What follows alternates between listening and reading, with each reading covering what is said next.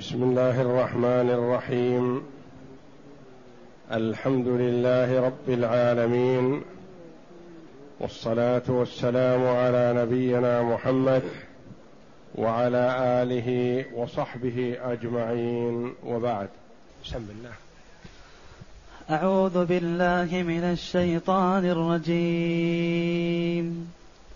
بسم الله الرحمن الرحيم. الذين كفروا وصدوا عن سبيل الله أضل أعمالهم والذين آمنوا وعملوا الصالحات وآمنوا بما نزل على محمد وهو الحق من ربهم كفر عنهم سيئاتهم وأصلح بالهم ذلك بأن الذين كفروا اتبعوا الباطل وان الذين امنوا اتبعوا الحق من ربهم كذلك يضرب الله للناس امثالهم. هذه الآيات الكريمة هي أول السورة المسماة بسورة محمد صلى الله عليه وسلم. وتسمى بسورة القتال. وتسمى بسورة الذين كفروا وصدوا عن سبيل الله. وهذه السورة مدنية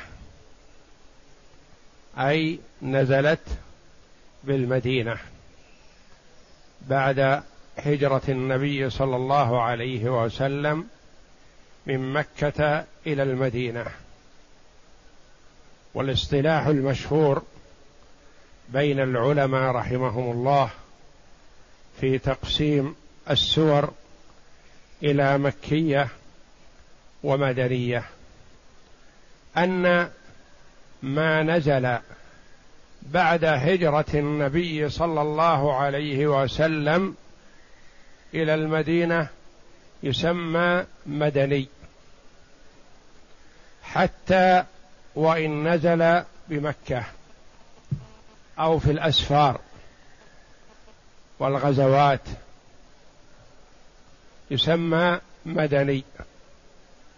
وما نزل قبل هجرة النبي صلى الله عليه وسلم إلى مكة إلى المدينة يسمى مكي. ولو نزل خارج مكة. فهذه الآية أي هذه السورة بآياتها نزلت بعد هجرة النبي صلى الله عليه وسلم من مكة إلى المدينة فهي من السور المدنية. قيل إلا آية وهي قوله جل وعلا وكأي من قرية هي أشد قوة من قريتك التي أخرجتك أهلكناهم فلا ناصر لهم. قيل هذه نزلت بمكة قبل هجرة النبي صلى الله عليه وسلم وقد نزلت على النبي كما قيل حال خروجه من مكة إلى الغار ليريد الهجرة. وقد نظر صلى الله عليه وسلم إلى البيت شرفه الله وهو يريد الهجرة فبكى عليه الصلاة والسلام شوقا وحنينا إلى بيت الله الحرام. فأنزل الله جل وعلا عليه وكأي من قرية هي أشد قوة من قريتك التي أخرجتك أهلكناهم فلا ناصر لهم. وكأن فيها بشارة للنبي صلى الله عليه وسلم بأنه سيعود إلى مكة. قال ابن عباس رضي الله عنهما نزلت سورة القتال بالمدينة. وعن ابن الزبير نزلت بالمدينة سورة الذين كفروا. وعن ابن عمر رضي الله عنهما أن النبي صلى الله عليه وسلم كان يقرأ بهم في المغرب الذين كفروا وصدوا عن سبيل الله. هذا هذه أدلة أسماء السورة. تسمى سورة محمد وسورة القتال وسورة الذين كفروا. وحديث ابن عمر رضي الله عنهما أن النبي صلى الله عليه وسلم كان يقرأ بها في صلاة المغرب أنه يحسن قراءة سور طويلة في صلاة المغرب أحيانا كما ورد أن النبي صلى الله عليه وسلم قرأ مرة في صلاة المغرب بسورة الأعراف. فلا يقتصر دائما على قصار السور وإنما يقرأ أحيانا من الطوال. الذين كفروا وصدوا عن سبيل الله أضل أعمالهم. قال بعض المفسرين رحمهم الله أول هذه السورة مرتبط بآخر السورة التي قبلها وهي سورة الأحقاف. وهي قوله جل وعلا فهل يهلك إلا القوم الفاسقون كأن قائلا يقول من هم القوم الفاسقون فقال الله جل وعلا الذين كفروا وصدوا عن سبيل الله. وما المراد بهم؟ قيل المراد بهم كفار قريش. وقيل المراد بهم من كفر من أهل الكتاب. وقيل المراد بهم كل من اتصف بهذه الصفة التي هي صفة الكفر. ومعنى صدوا عن سبيل الله يعني صدوا أنفسهم وصدوا غيرهم. فأصحاب الشر قد يكون فيه شر على نفسه وهذا شر. كتارك الصلاة مثلا آخر شره على نفسه وعلى غيره كالمانع لمن أراد أن يصلي والمتهكم بمن أراد أن يصلي أو المستهزئ. أو الساخر فإذا كان شره على نفسه فذلك شر وأشر منه من تعدى شره إلى الغير. كافر لا يؤذي المسلمين شر. كافر يتسلط على أذى المسلمين أشر منه. الذين كفروا وصدوا منعوا غيرهم. من الدخول في الإسلام. وصدوا عن سبيل الله. سبيل الله هو الإسلام. واتباع هدي محمد صلى الله عليه وسلم. أضل أعمالهم. أضل أعمالهم. بمعنى أحبطها. ما المراد بهذه الأعمال؟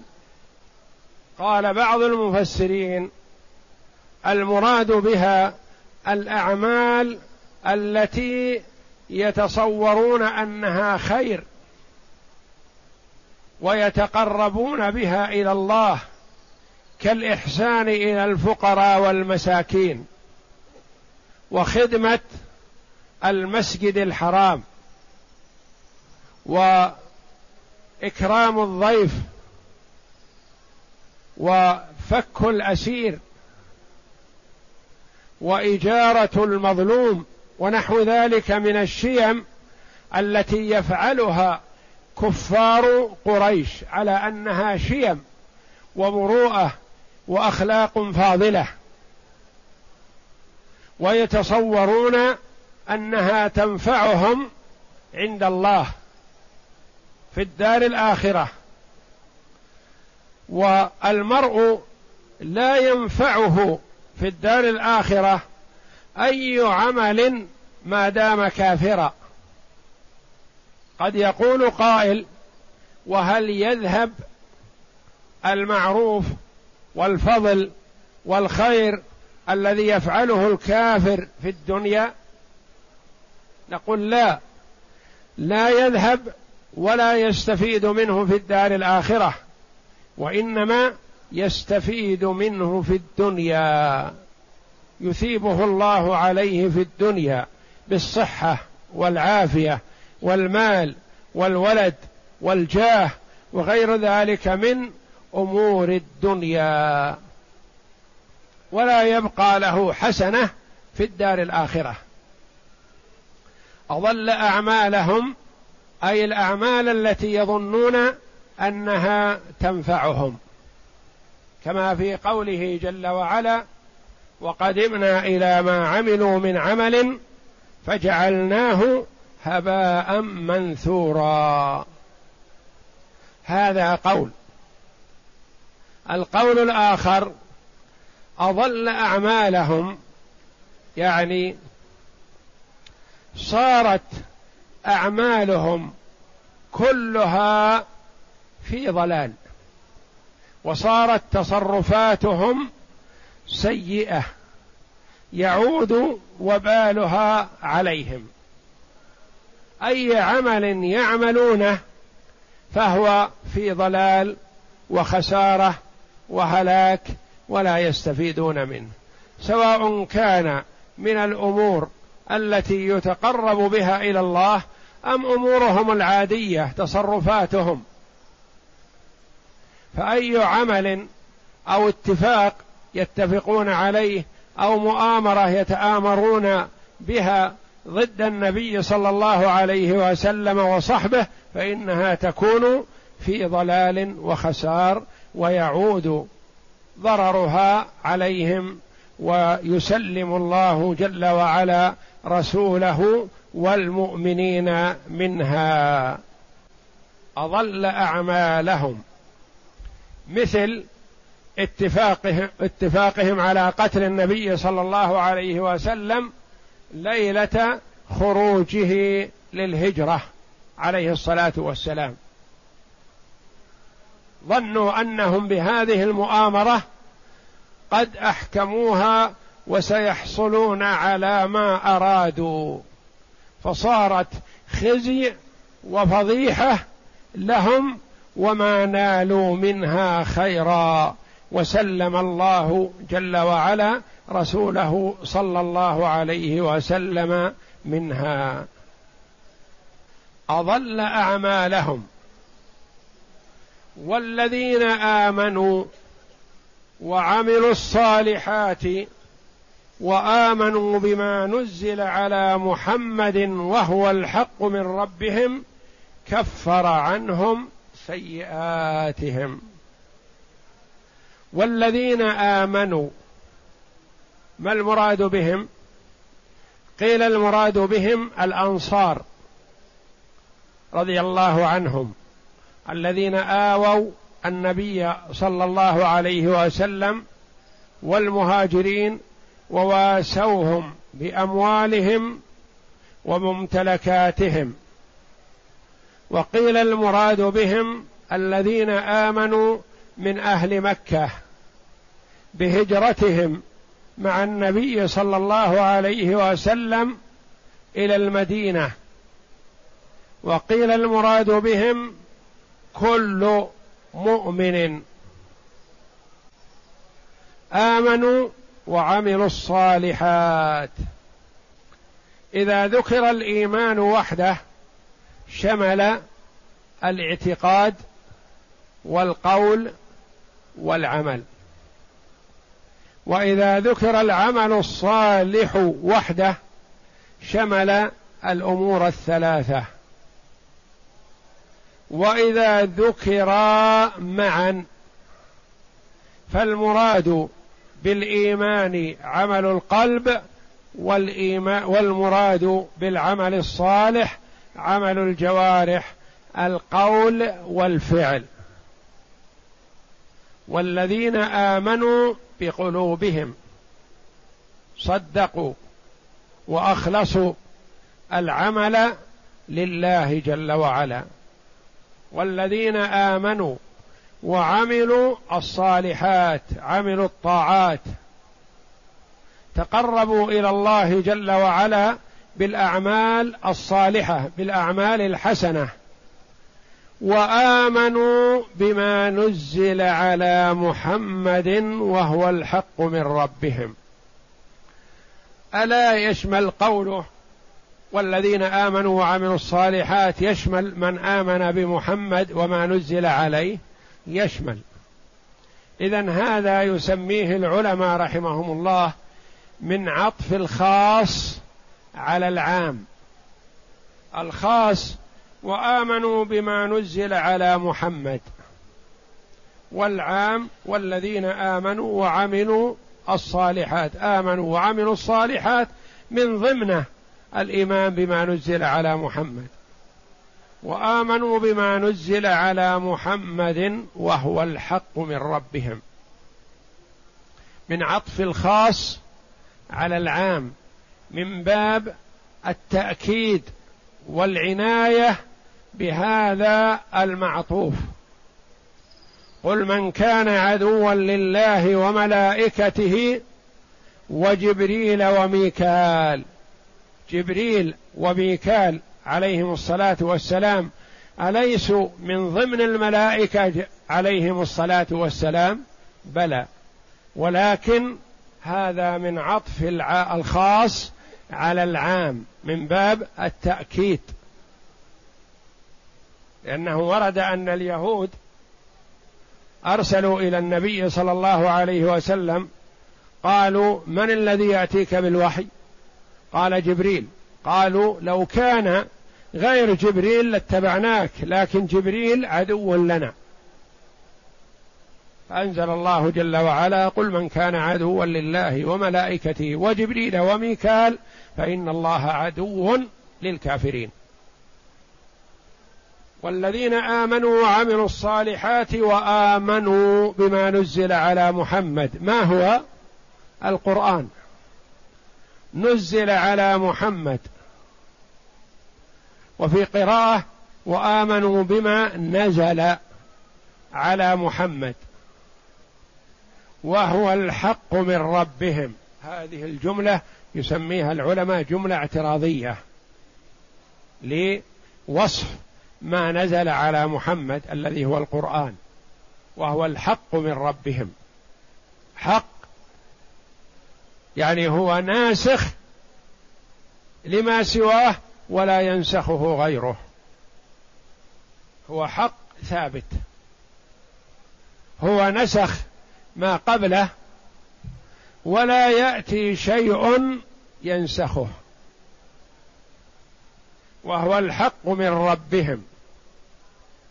الصدق واليقين.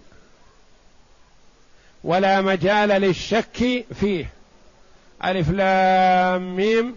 ذلك الكتاب لا ريب فيه من رب العالمين. كفر عنهم سيئاتهم. هذا هو الخبر.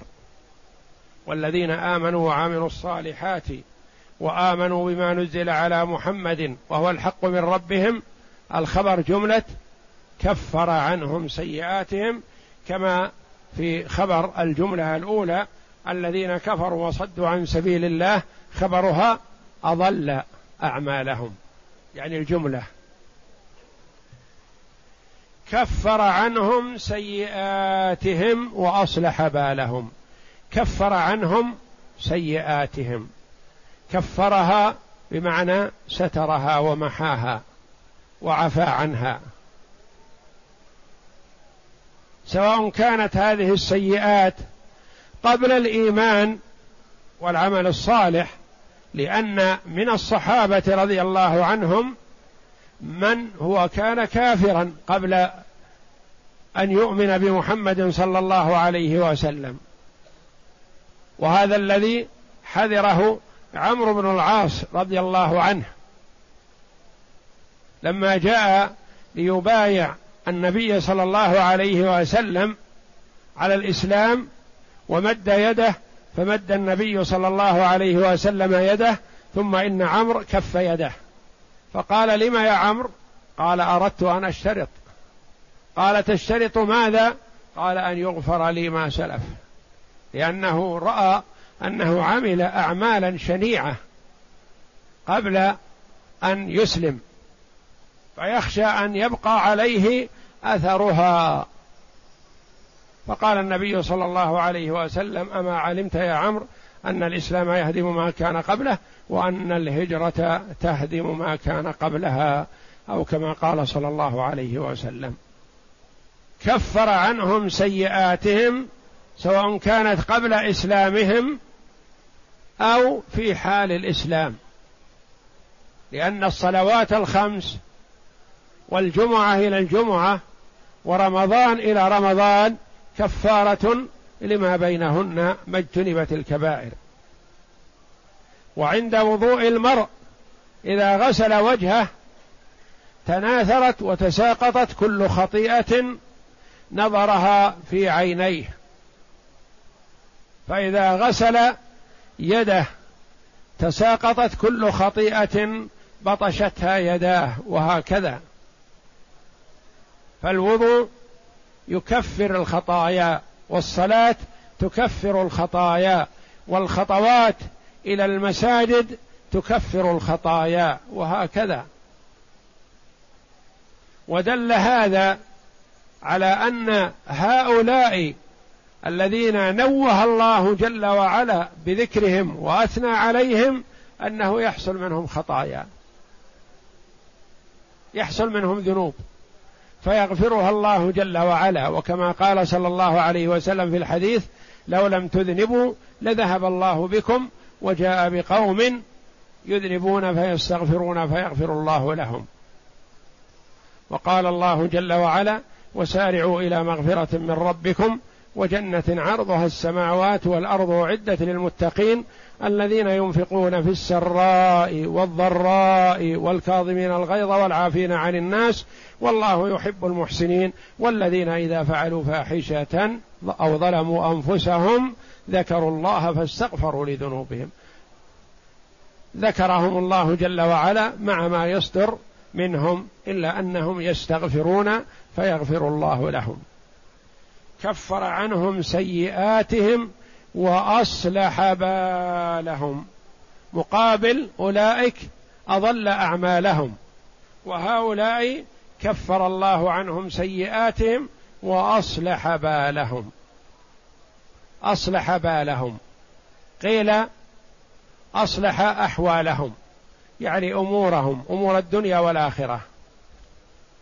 أصلح بالهم أصلح شأنهم. أصلح بالهم أصلح نياتهم. قال مجاهد أصلح شأنهم. وقال قتادة أصلح حالهم. وقال ابن عباس أصلح أمرهم. والمعاني هذه الثلاثة متقاربة. وقيل المراد البال الحال. ها هنا أي أصلح أحوالهم أنها صارت جميع أحوالهم الدينية والدنيوية على خير ما يرام. وقيل هو القلب يعني أصلح قلوبهم. وهو أي بالهم كالمصدر فلا يعرف يعرف منه لا يعرف منه فعل ليس له فعل. هذا هذه الكلمة بال لا ليس لها فعل.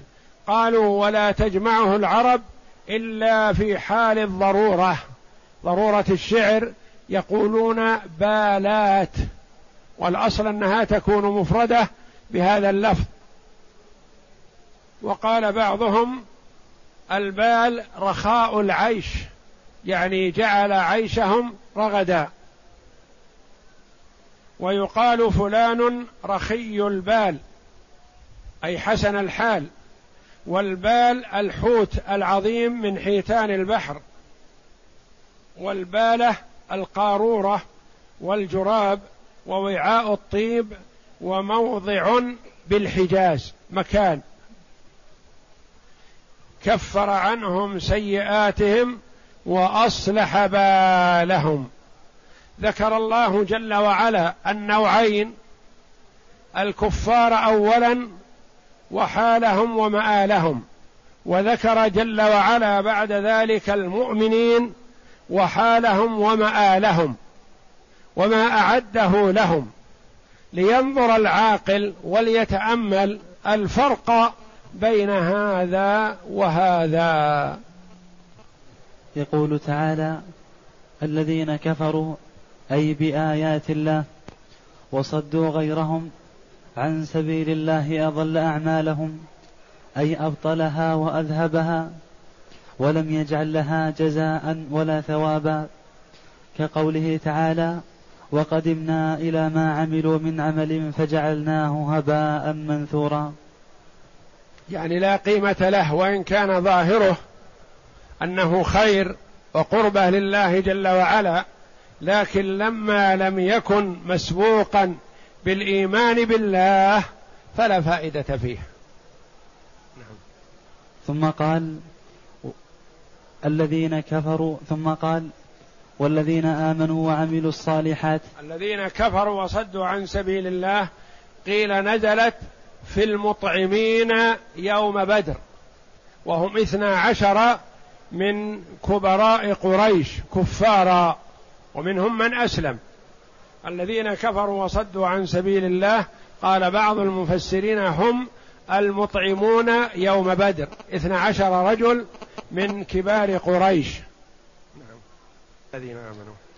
والذين آمنوا وعملوا الصالحات أي آمنت قلوبهم وسرائرهم وانقادت جوارحهم وبواطنهم وظواهرهم وآمنوا بما نزل على محمد. يعني آمنوا وعملوا الصالحات جمعوا صلاح الظاهر والباطن. صلاح الظاهر بالأعمال الصالحة البينة وصلاح الباطن بالإيمان بالله. نعم. وآمنوا بما نزل على محمد. عطف خاص على عام. وهو دليل على أنه شرط في صحة الإيمان بعد بعثته صلوات الله وسلامه عليه. وقوله وهو الحق من ربهم جملة معترضة حسنة ولهذا قال كفر عنهم سيئاتهم وأصلح بالهم. قال ابن عباس أمرهم أمرهم, أمرهم وقال مجاهد شأنهم وقال قتادة وابن زيد حالهم والكل متقارب.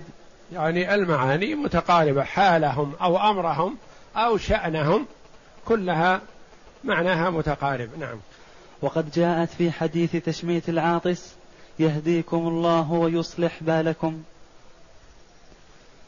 ثم قال تعالى ذلك بأن الذين ذلك بأن الذين كفروا اتبعوا الباطل وأن الذين آمنوا اتبعوا الحق من ربهم. كذلك يضرب الله للناس أمثالهم. كأن قائلا يقول لما أولئك أضل الله أعمالهم وهؤلاء كفر عنهم سيئاتهم وأصلح بالهم؟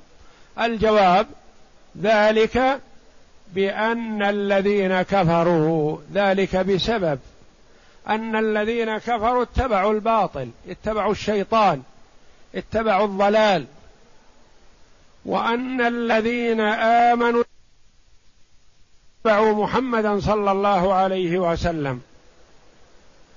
فالباطل هو الشرك والضلال والكفر وكل ما لا خير فيه. والحق هو التوحيد والإيمان بالله ومتابعة الرسول صلى الله عليه وسلم. فبسبب هذا العمل الصادر منهم حصل لهم ما حصل. أولئك أضل أعمالهم لأنهم كفروا وأعرضوا. وهؤلاء أصلح الله شأنهم وأمرهم لأنهم اتبعوا الحق. والله جل وعلا لا يظلم الناس شيئا. وكما في الحديث القدسي أن الله جل وعلا يقول يا عبادي إنما هي أعمالكم أحصيها لكم ثم أوفيكم إياها. فمن وجد خيرا فليحمد الله ومن وجد غير ذلك فلا يلومن إلا نفسه هو الذي عمل السوء فأخذ عقوبته. هو ما ضر الله شيئا وإنما ضر نفسه. والمؤمن لا يعمل لغيره هو يحسن ويفعل الخير ويعمل الصالحات تعود له. الآخر يعمل السيئات لا يضر الله شيئا وإنما يضر نفسه. إنما هي أعمالكم أحصيها لكم ثم أوفيكم إياها. فمن وجد خيرا فليحمد الله جل وعلا الذي وفقه. ومن وجد غير ذلك فلا يلومن إلا نفسه. هو الذي أعرض عن الحق واتبع الباطل. هو الذي أعرض عن الإيمان واتبع الكفر.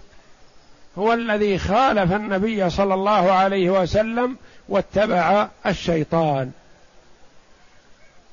ثم قال ذلك بأن الذين كفروا اتبعوا الباطل أي إنما أبطلنا أعمال الكفار وتجاوزنا عن سيئات الأبرار وأصلحنا شؤونهم لأن الذين كفروا اتبعوا الباطل أي اختاروا الباطل على الحق والذين آمنوا اتبعوا الحق من ربهم كذلك يضرب الله للناس أمثالهم نعم.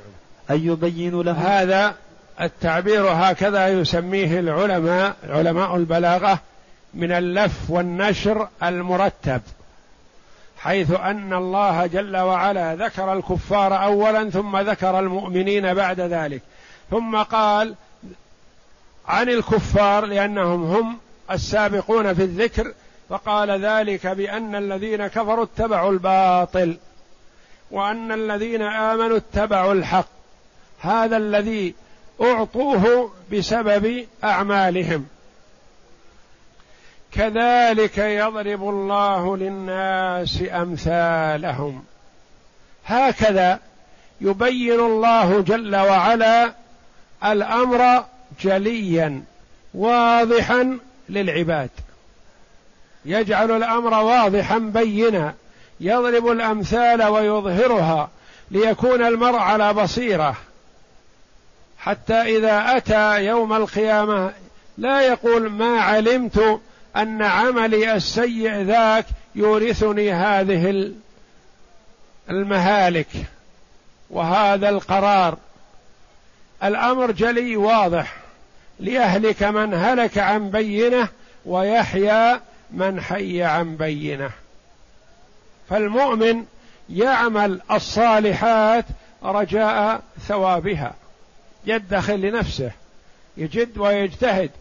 كل الناس يغدو فبائع نفسه فمعتقها وموبقها. واحد يسعى يركض لنجاة نفسه فيعتق نفسه من النار ويكون من أهل الجنة. وآخر يسعى كلهم يسعون. وآخر يسعى في هلاك نفسه وفي تقييدها في نار جهنم والعياذ بالله.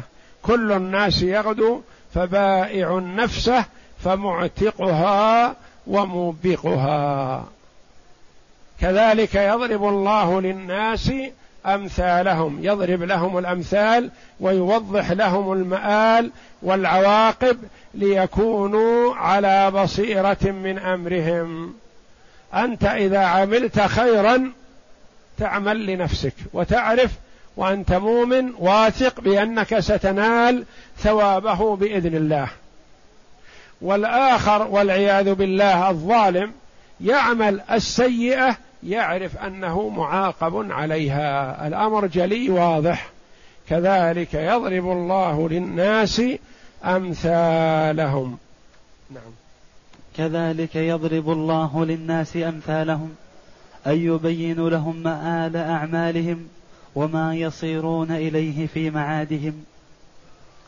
والله أعلم وصلى الله وسلم وبارك على عبده ورسول نبينا محمد وعلى آله وصحبه أجمعين.